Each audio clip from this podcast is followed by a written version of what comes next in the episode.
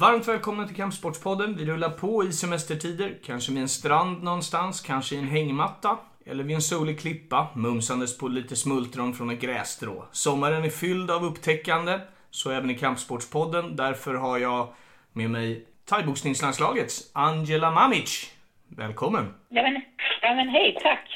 Hur är läget med dig? Nej men det är bra. Det, det är full fart som vanligt. Fast på ett lite annorlunda sätt nu den här sommaren. Men eh, det är ingen rast och ingen ro. Ingen rast och ingen ro, så det är ingen semester än? In, nej, inte än. Så jag jobbar fortfarande. Så får se när jag... Det blir lite konstigt med semester nu när det inte blir något VM. Så då hade man ju tagit semester för det. Eller sen semestern in. Och det blir lite annorlunda nu mm. än man hade tänkt sig. Just det. Ja, det, det var ju mm. inte så länge sedan de, de, de ställde in VM nu helt och hållet, eh, Eh, läste jag. Ja, precis. Det var i juni sen så sa de att de sköt på det. Eh, de planerade att ha det i oktober, november, men sen så fick vi veta nu bara för någon vecka eller så sedan att eh, de ställer in det istället. Så det, det var ju det var väldigt tråkigt. Det var ju klart att det var en stor besvikelse. Så jag håller tummarna att de kanske så här, men slänger ihop ett EM istället eller något sånt. Men det har vi inte fått någon info om än. Så det, det var hoppas på det bästa. Mm. Svåra tider det här eh, för dig att liksom hålla igång och eh, överhuvudtaget då? Ja, både så här, ja och nej. För att det är liksom så här, nu har man ingenting att träna inför. Så att nu är det liksom disciplin hela vägen. För motivationen försvinner ju alltid en del. Den kommer ju gå, speciellt när man tar någon tävling och tränar inför. Eh, så det gör ju att eh, man får vara rätt strikt mot sig själv samtidigt som man ändå ska kunna då och då missa något pass för att det är sommar. Att, ja, det är liksom sånt som händer. Men eh, sen är det ju andra, jag missade ett pass i lördags till exempel för att jag eh, var på min mörhippa då, visste inte om när jag min träningsvecka, men då fick man ju bara vara glad att man fick bli uppassad på det sättet. Mm. Så det, ja. Vänta lite här nu. Din ja. möhippa sa du? Ja, jag eh, ska gifta mig nu i augusti. Så, wow. eh, så jag har ju det liksom, så det har man ju också. Så även om jag inte har tävlingar så håller jag mig ändå sysselsatt på annat. Så det är 29 augusti så gifter jag mig med, med ja, min fästman Henrik. Och, eh, så det, det, det ska bli riktigt roligt. Vilken grej! Stort grattis till er båda! Ja, tack. Ja, tack. Ja. Så det har varit lite speciellt att planera bröllop mitt i allt som man, det är corona och då ska mycket annat man ska ta hänsyn till. Så det, ja. Just det. Men, eh, det det händer alltid något. Alltså, så här, även fast det inte är tävlingen nu så försöker man liksom ändå så här, ja men om jag inte har tävling att se fram emot, försöka hitta någonting annat man ser fram emot. Eh, så det, det tror jag är väldigt viktigt. Mm. Att man inte så här blir, det är okej att bli besviken för att en sommar och träning och tävling inte blir som man har tänkt sig. Men att man inte bara liksom så här, ja men säger ja nu pausar jag allt, nu skiter jag allt i två, tre månader och sen så tar jag det som det kommer. Utan att man ändå liksom hittar någonting annat som motiverar en. Eh, mm. Något annat projekt, vad som helst.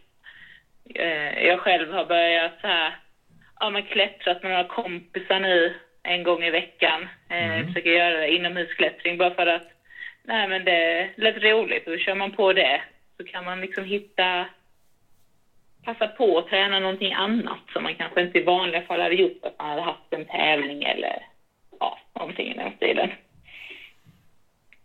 Är du bra på att sysselsätta dig själv med, med andra saker nu eller eh, kliar, det, kliar det i fingrarna?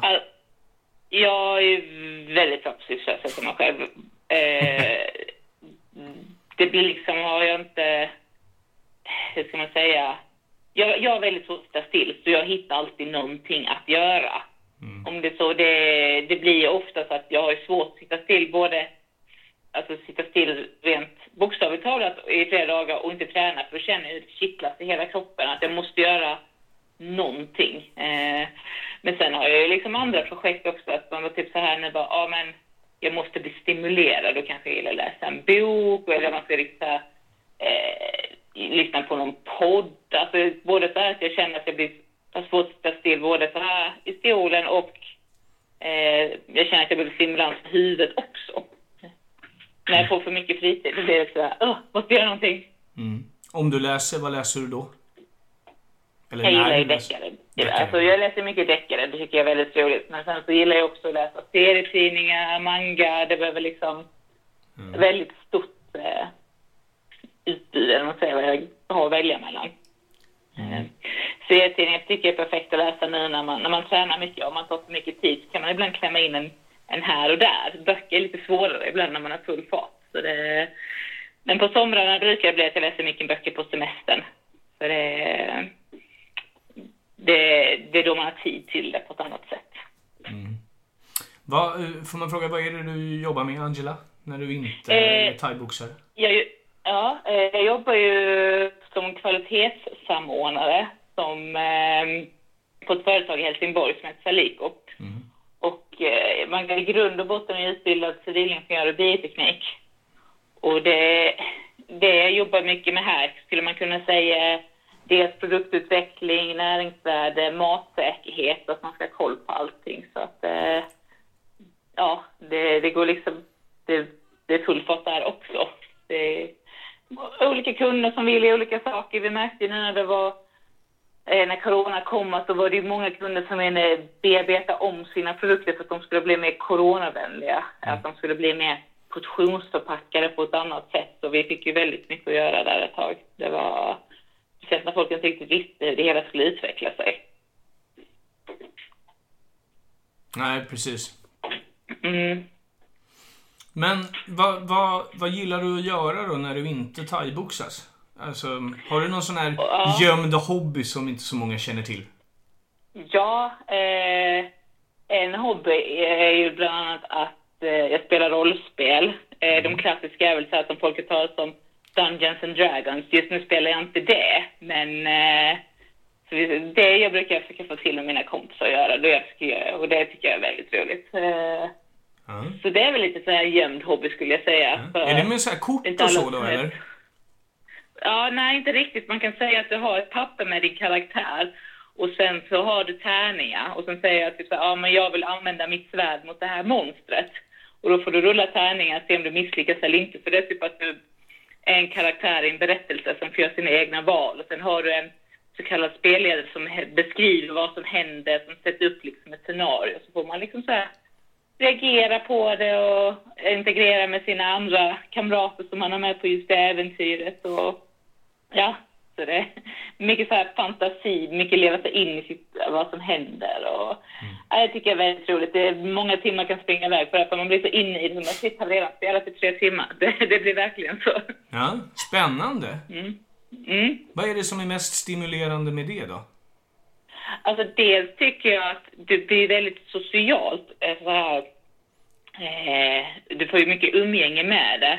Och sen så blir det ju lite som att man ställs till olika sorters problem och sen ska man lösa dem eh, på ett eller annat sätt. Om det beror på, ja, ibland måste vi tänka att det är som ett pussel, ibland så ska vi lösa en social situation som uppstår som han har skapat och ibland så blir man övermannad av banditer, ska man slåss sig därifrån. Så det blir väldigt mycket så här att man, oh, nu händer det här, oh, nu händer det här. Så det blir liksom att man hela tiden får in. Mm. Är det är det mycket fantasy runt omkring dig eh, annars också? I, I böcker och filmer och så också? Uh, innan var det ju mer i böckerna under gymnasietiden, men det lämnar jag uh, så. Men jag gillar ju att spela typ olika Playstation-spel som är uh, inriktat på fantasy som Witcher 3. Vissa kanske har hört om Witcher nu när det är Netflix-serie också, men det är baserat på böcker och så har de skapat ett tv-spel. Så det tycker jag är väldigt roligt. Det hinner jag oftast inte göra för det tar för lång tid. Men... Oh, The Witcher 3 har jag varit på själv också. På, ja, det har jag själv varit på på Playstation 3. Alltså jag, jag tänkte ja. att jag skulle ta varenda sånt här fråge, frågetecken som fanns på kartan här för ett tag sedan. Det är alltså... Ja. Det, då har man, man att göra, kanske. Ja, då, då har man att göra. Jag, jag, har inte, jag har inte klarat det än, men, men då finns det att göra.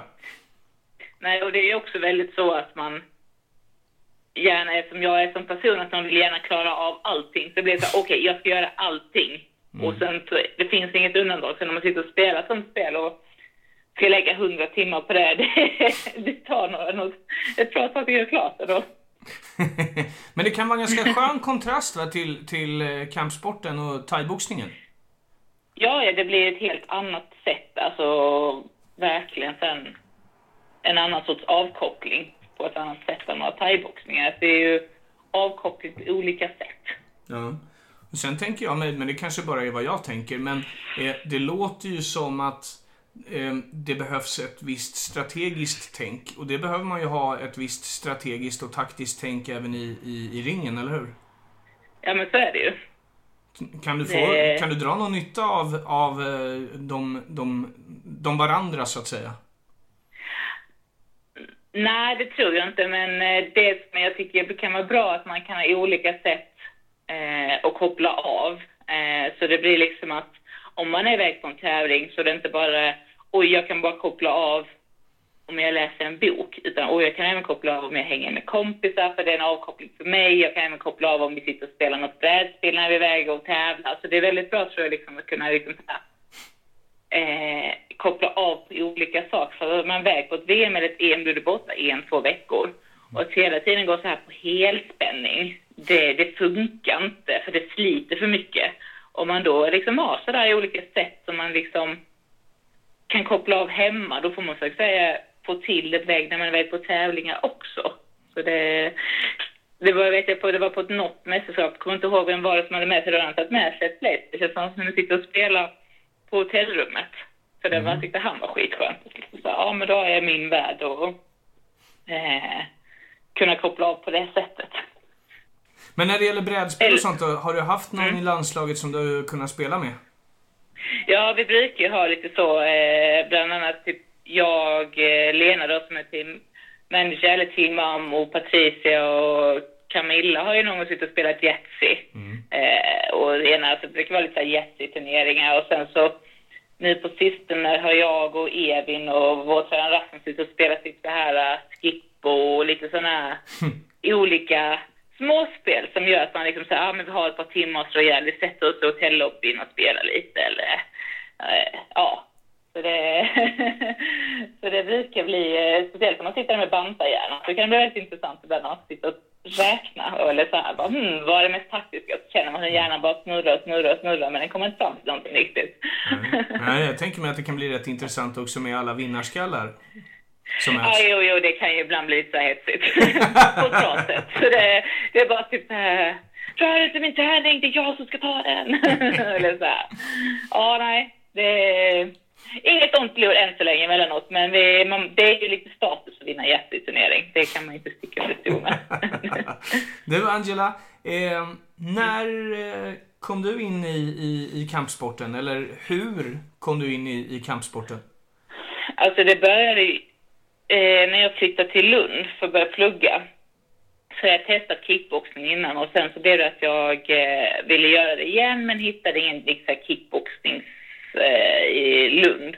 Så tänkte jag, äh, men jag kör på thaiboxning istället för vad är skillnaden liksom. Eh, så det blev att jag hittade en thaiboxningsklubb i Lund och sen så började jag träna där och tyckte det var väldigt roligt. Så det blev typ att man började nybörjargruppen, sen kom man upp i avancerade gruppen och sen så frågade de, vill du tävla? Jag bara, Ja, men varför inte? Alltså sen så bara... Det var ju ren slump. När jag, jag tänkte inte att jag skulle tävla när jag började träna. Jag tänkte ju att... Eh, det gjorde jag för det var ett roligt sätt att motionera på. Att jag tyckte om hur man, hur man pushad man blev. Och dessutom den kicken man fick när man kände att man var jättetrött, sen orkade man lite till. Mm. Så det, sen hade det bara liksom... Sen var man ju fast när man började tävla. Bara, oh, jag vill ha, fick man mer smak och sen körde man bara på. ja, och sen helt plötsligt så dök du upp där i, i... Första gången jag träffade dig tror jag var i Jönköping, hemma-VM där. Mm. Ja, precis. Det var ju mm, första gången, det var ju typ så här, lite så här, haft uppehåll i typ så här ett och ett halvt år. För eh, det att jag flyttade upp till Göteborg. Och sen så, sen tävlat på ett och ett halvt år. Sen så bara, så helt plötsligt så blev det att man bara, ja ah, men du har möjlighet att vara med här gick en match mot Anna Strandberg. Så ja, jag vann inte den, men jag blev ändå så här, du kan få plats i landslaget ändå, för vi tyckte ändå du gjorde bra insats liksom, så det fanns en plats ledig. Och där kom jag ju med och så bara helt plötsligt, bara, shit, ska jag gå VM helt plötsligt? Det var ju liksom inte, hade inte en tanke på när man flyttade till Göteborg. Man bara, ja, ja, men vi tar det som det kommer och så kör vi på. Och sen bara, så det är ett VM-silver. tänkte jag, det här var ju roligt, men eh, nu vill jag ju bli bättre. Nu vet jag ju var ribban ligger. Så då är det bara att försöka komma över den. Mm. Efter det har det ju blivit några fler eh, VM-finaler och så har det blivit dubbla EM-guld och sådär. Eh, Ja. Det har ju gått väldigt, väldigt bra för dig. Mm. Ja, alltså verkligen. Det, det tänkte man ju inte när man var med på VM första gången. Man bara, shit, det hade, man visste man inte att det skulle gå så, så bra som det gick. Och sen så finns det ju, känner jag, mer som man vill göra. Att man, man vill ta det här VM-guldet. Det är det som är the white whale, eller som man ska säga, den vita valen. Att det är den man ska knipa. Så jag, men jag känner ju att det, det är, det är inte frågan om om jag kommer ta det, utan känner att det är frågan om när jag kommer ta guldet. Så det, för det, det kan jag ändå säga, för att jag till exempel förlorade på en VM-final i Mexiko mot den kroatiska. Helena, kommer inte ihåg vad den hette efternamn, så jag kommer inte ihåg vad den hette efternamn i alla fall. Men sen vann jag mot henne i semifinalen i Bangkok. Så det är ju liksom, då har jag ju, en- om jag förlorade mot henne första gången vi möttes, sen vann jag andra gången, det visar ju ändå att det går liksom att slå de som vinner. Så det, det är bara några, några saker till som ska fallas på plats och sen så tror jag att det kommer...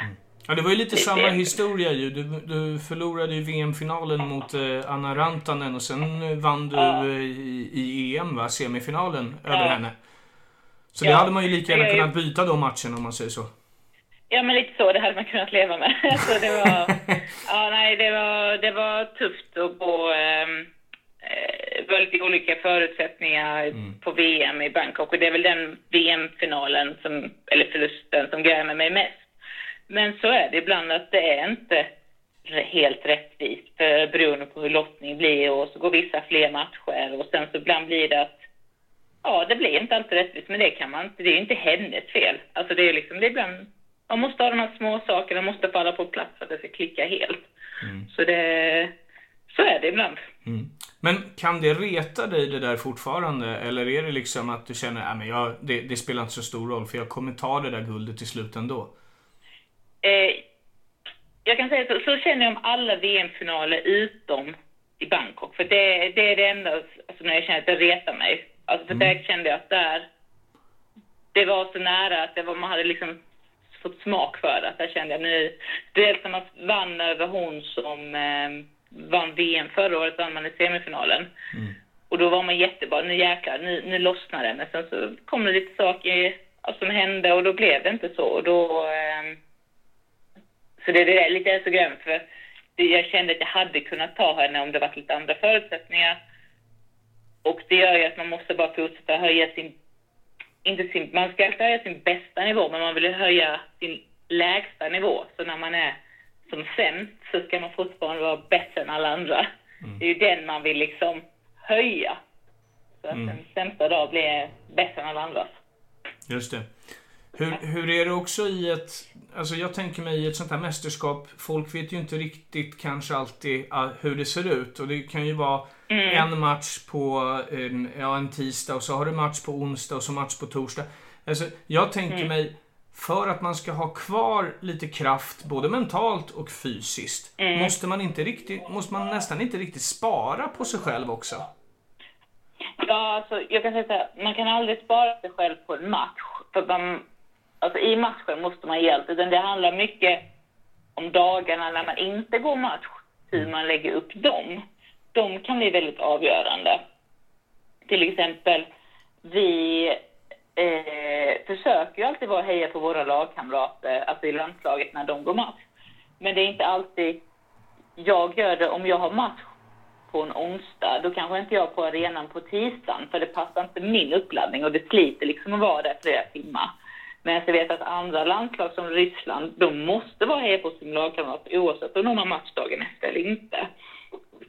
Mm. Och det gör ju väldigt mycket då om du kan liksom så här vila på rätt sätt och återhämta på rätt sätt och liksom ladda på rätt sätt gör ju väldigt mycket. Eh, så det är när du är på plats då får man hitta sitt, för du måste ändå träna men du ska inte träna för mycket utan mer där hålla igång kroppen och den hur mycket man ska hålla igång kroppen är svårt, utan det blir ju också att man får lita sig på sin tränare som ser en och känner en och har gjort det förut, att man att han får bedöma, eller hon, att du behöver köra mitt, du behöver skugga, du ska vila. Alltså, så det är där tränaren kommer in och har en jättestor roll.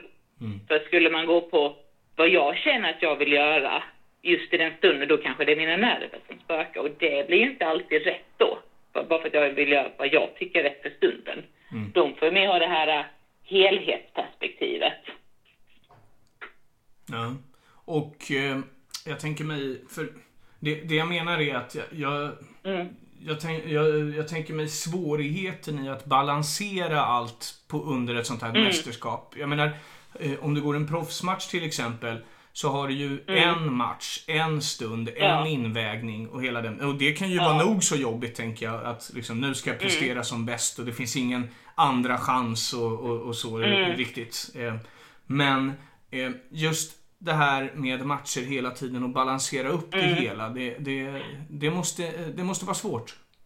Ja, det är svårt. Man måste lära sig att tänka. Det låter, det låter väldigt enkelt när det går en match åt gången. Man, man måste bara tänka att det finns bara den här matchen. Mm. Och inte något som kommer efter. För det är liksom det är så det är. För man kan tänka, ja ah, så har jag den motståndaren nu i kvartsfinalen, så blir den i semifinalen och den i finalen. Det, det funkar. Man måste liksom vara, tänka att det bara är, det finns bara en match och det är den här matchen. Sen när den är klar, får man tänka, då kan man börja tänka, okej, okay, nu finns det bara den här matchen, så man får liksom dela upp det. För mm. ska man börja tänka, och så går en match på tisdagen, så kanske det blir på fredagen, sen på söndagen. Alltså då, det går inte. Det, det, blir inte bra då, för det har jag gjort innan. Men det är en sak som kommer med erfarenhet, att kunna så här, få lite tunnelseende. Mm. Och sen måste vi också prata lite grann om eh, EM i Paris. Tänker ja. jag tillbaka till. Och jag, jag, jag minns, jag hade förmånen att få vara där, så jag minns ett väldigt speciellt, för mig i alla fall, eh, stort ögonblick. Det är ju när du precis har vunnit din EM-final. Och jag tror mm. att det är din pappa som tar sig förbi eh, avspärrningarna från läktaren in och bara, ni kastar er i varandras eh, armar och, ja, det är otroligt starkt. Ja. Otroligt starkt ja, det var ögonblick. känsloladdat alltså. Han gjorde ju redan på semifinalen. eh, så då lyckades de, då jagade de ju efter han. Och liksom så här. Så då hann vi liksom, då liksom kramas och sen så liksom drog de liksom, kom nu.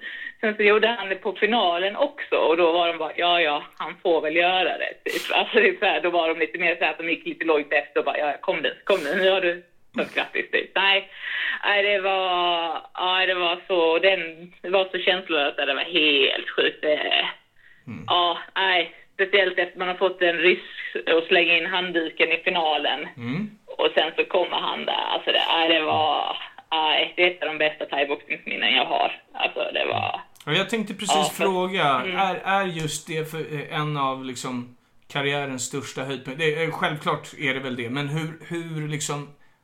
Var någonstans rankar du just EM i Paris? För det, jag, jag kan inte minnas att jag har sett dig liksom bättre då. Mm, nej, alltså det var... Det var... Det var... Först var det, det var en ny klubb. Jag hade precis börjat eh, flytta tillbaka till Malmö så det var på, började träna på Öresund, Muay Thai. Och så var jag eh, så det var ju den nervositeten och sen så när jag hade det var mycket så här, alltså jag la mycket press på mig själv. Alltså jag, hade mycket, jag har inte lärt mig hantera riktigt känslan än. Så det var ju därför jag blev så himla känslor för. Jag hade så mycket känslor som jag tryckte undan. Sen när det liksom släppte där, då var det liksom, nej, alltså det går inte att beskriva. När man stod på medaljpodiet sen och hörde nationalsången, alltså det var så, att man rörde hela kroppen. Det var så jäkla roligt. Eh, och det betyder mycket för mig också att min familj eh, är där och sen är de vänner till familjen. De följer ju lite, de åker till VM och EM och hejar varje år och alltså det, det gör så mycket att de, man får deras energi och känner deras glädje att de, ja det blir så speciellt. ja, det är härliga ögonblick som, som, ja. eh, som levereras till en just där och då. Jag, mm. ja, det, det, svårt att sätta sig in i vad som händer i ens huvud då, men man kan ju bara gå in i sitt eget och man blir ju, man blir mm. ju så överlycklig för, för alltså, att få vara med och se de här stora momenten som betyder så mycket för så, för så många. Så det, är det, det, det är väldigt mm. speciellt och det är någonting som man, man, ja, man glömmer inte det i första taget alltså. Nej, det är liksom det efter sig fast eller man ska säga. Det var, nej, det blir väldigt speciellt och det är verkligen minnen för livet. Mm. Sådär. Så det kan jag definitivt säga. Mm. Men vad har hela den här um, liksom, thaiboxningskarriären så som den är fram till idag då? Vad, vad har den betytt för dig?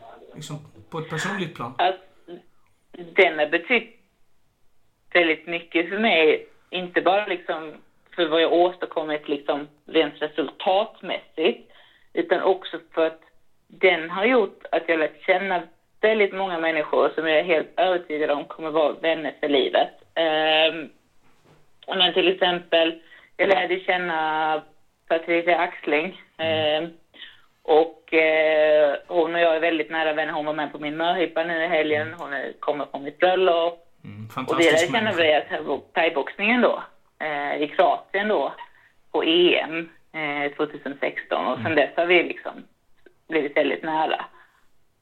Och det finns många mer att nämna. Att man, liksom, man bygger liksom så här, man får väldigt speciella band med personer som man får uppleva det här med. Eh, och sen så skulle jag också säga hur thaiboxningen också har format mig som människa. Jag tror inte jag hade mått så bra som jag gör idag om jag inte hade haft thaiboxningen. Då menar jag inte bara fysiskt utan också psykiskt. Det stärker en där med.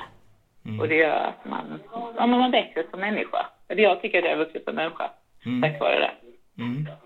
Jag, jag, jag har fascinerats över, sen jag kom till kampsporten för ja, 11 år sedan nu, eh, mm. hur bra kampsportare, som ändå är en individuell eh, idrott, och hur bra man är på det här med lagbyggen då, laganda och hela mm. den biten. Och där har väl thaiboxningen också varit en av de idrotter hos oss som i alla fall har byggt bäst, eller alltså kanske bäst. Mm. Alltså de, det har varit väldigt mycket lagbyggetänk där. Och det, ja, det, det är någonting som verkligen präglas av när man, mm. när man följer med så här. Att ni verkar ha så väldigt kul ihop allihopa.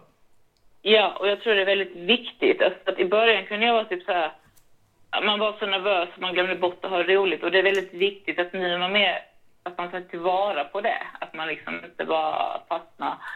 Och jag tror att ha det här lagbyggartänket fast en individuell idrott, du, du kommer ingenstans om du inte är, har det här stödet från de omkring dig. Eh, och jag tror att man kan hjälpa varandra med så mycket när vi är iväg som ett landslag till exempel, eller vara på en klubb. Alltså det behöver inte vara på landslagsnivå, utan att man har det här stödet och individuell idrott, ja, men man hjälps åt med varandra om det så är med kosten, om det är rehab, om det är bara för att kom igen du får fixa det, pusha dig lite till. Alltså det, det betyder väldigt mycket. Och jag tror det gör att många människor, jag tror att många mår bra av det, att få det stödet. Mm. Eh, livspusslet eh, över, överlag då, är, är, ju ganska intressant. Alltså, ja. du, du, säger att du jobbar och så och då förstår man ju direkt att okej, okay, då kan du inte leva på thaiboxningen än. Eh, Nej. Eh, och jag tror ju, alltså jag kommer ju aldrig kunna leva på thaiboxningen eh, så som det ser ut idag. Men jag hoppas att folk i framtiden skulle kunna, kommer mm. kunna göra det. Eh, jag jobbar heltid. Samtidigt ska man då lägga eh, så många timmar i veckan på att träna. Så det blir ju att man, jag är ju väldigt strukturerad. Alltså organiserar mycket och planerar mycket. Eh, för annars hade jag inte fått det att gå ihop. Det, det är inte lätt. Nej. Nej, det förstår jag. Och uh, jag tänker mig också, jag, jag brukar säga det att eh, vinner man kampsportsmedaljer eh, överlag alltså som svensk kampsportare mm. så, så, så, är det i närmast en dubbel bragd i och med att man inte har det där uh, ekonomiska stödet kanske som en del andra länder har och så. Eh, mm.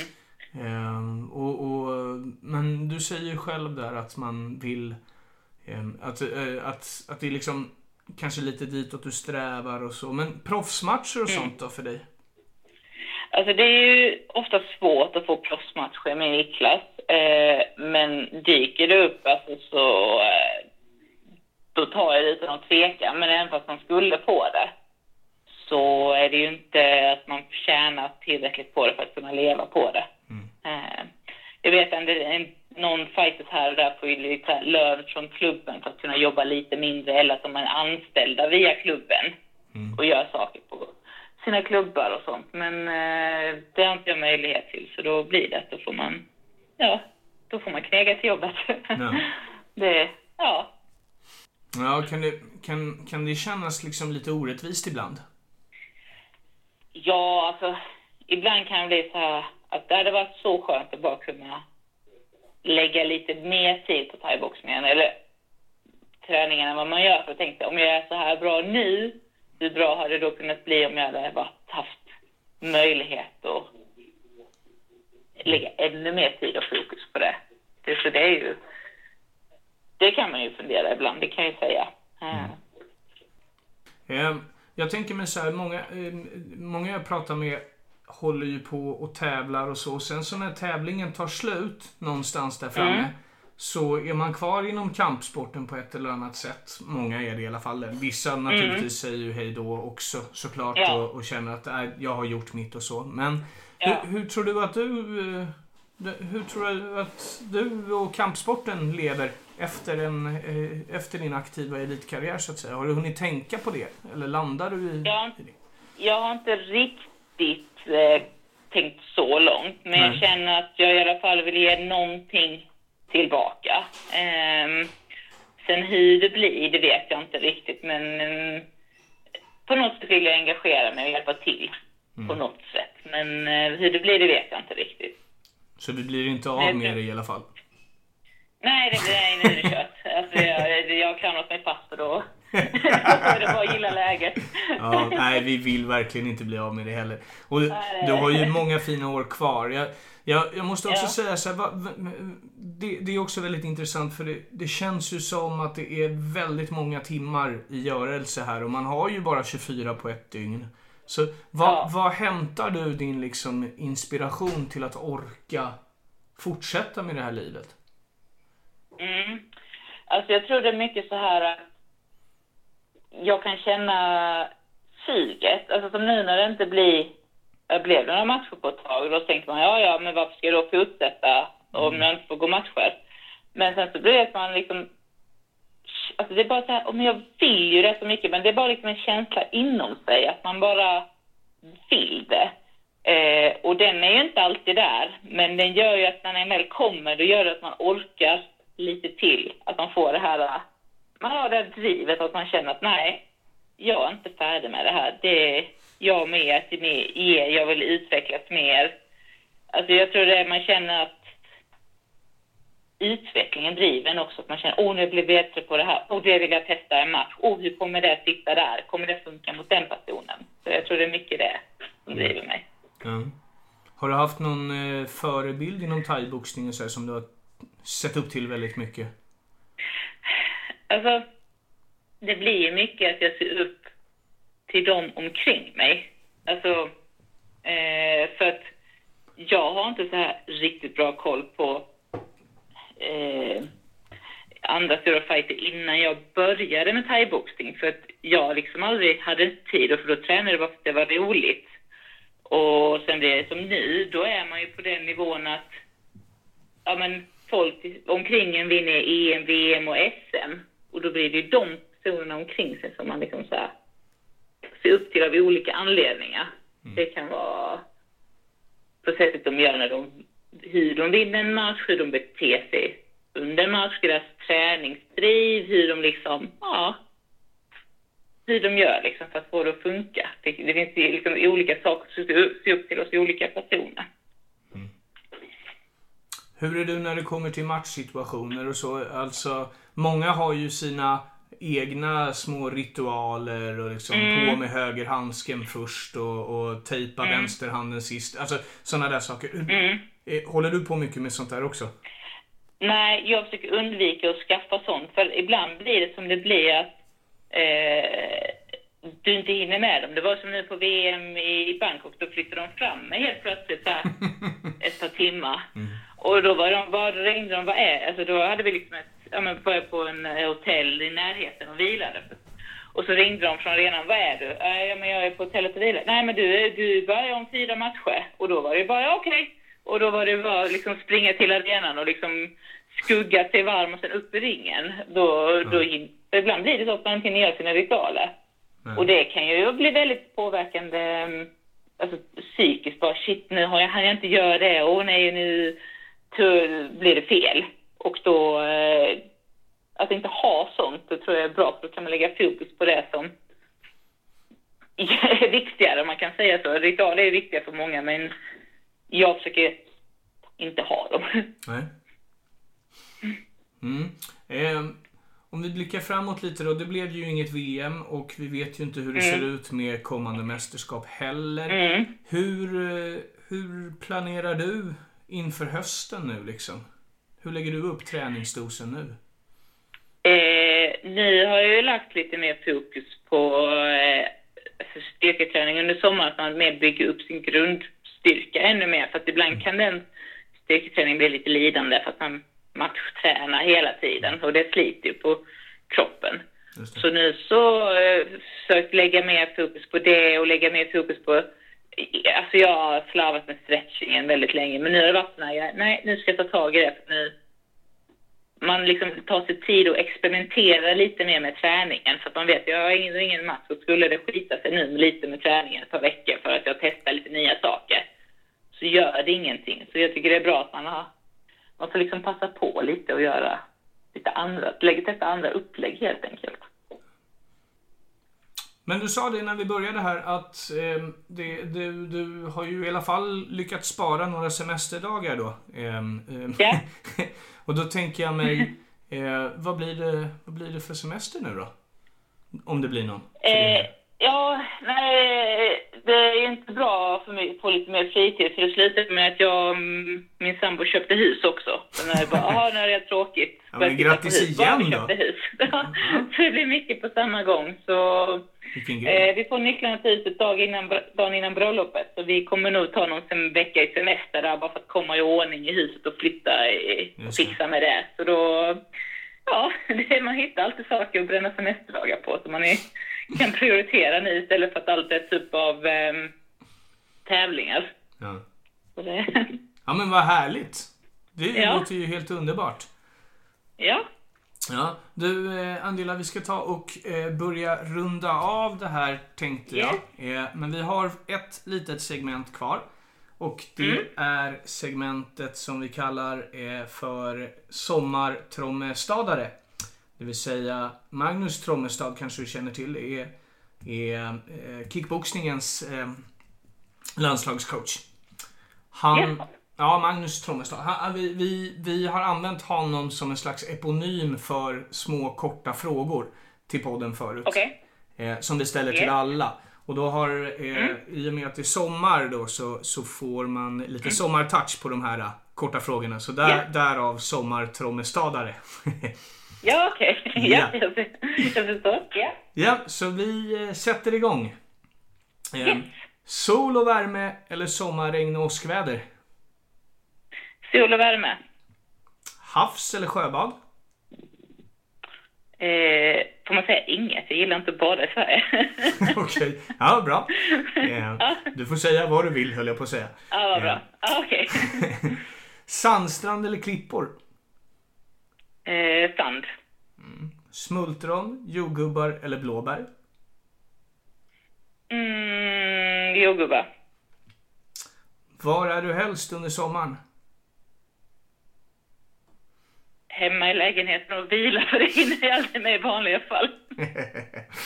Eh, oljemålning eller fotografi? Fotografi. Gå upp tidigt eller ligga kvar och dra sig i sängen? Upp tidigt. Och slutligen, är hängmatta överskattat? Ja, jag tror jag legat i en hängmatta en gång hela mitt liv, så jag är inget fan av det. Så ja.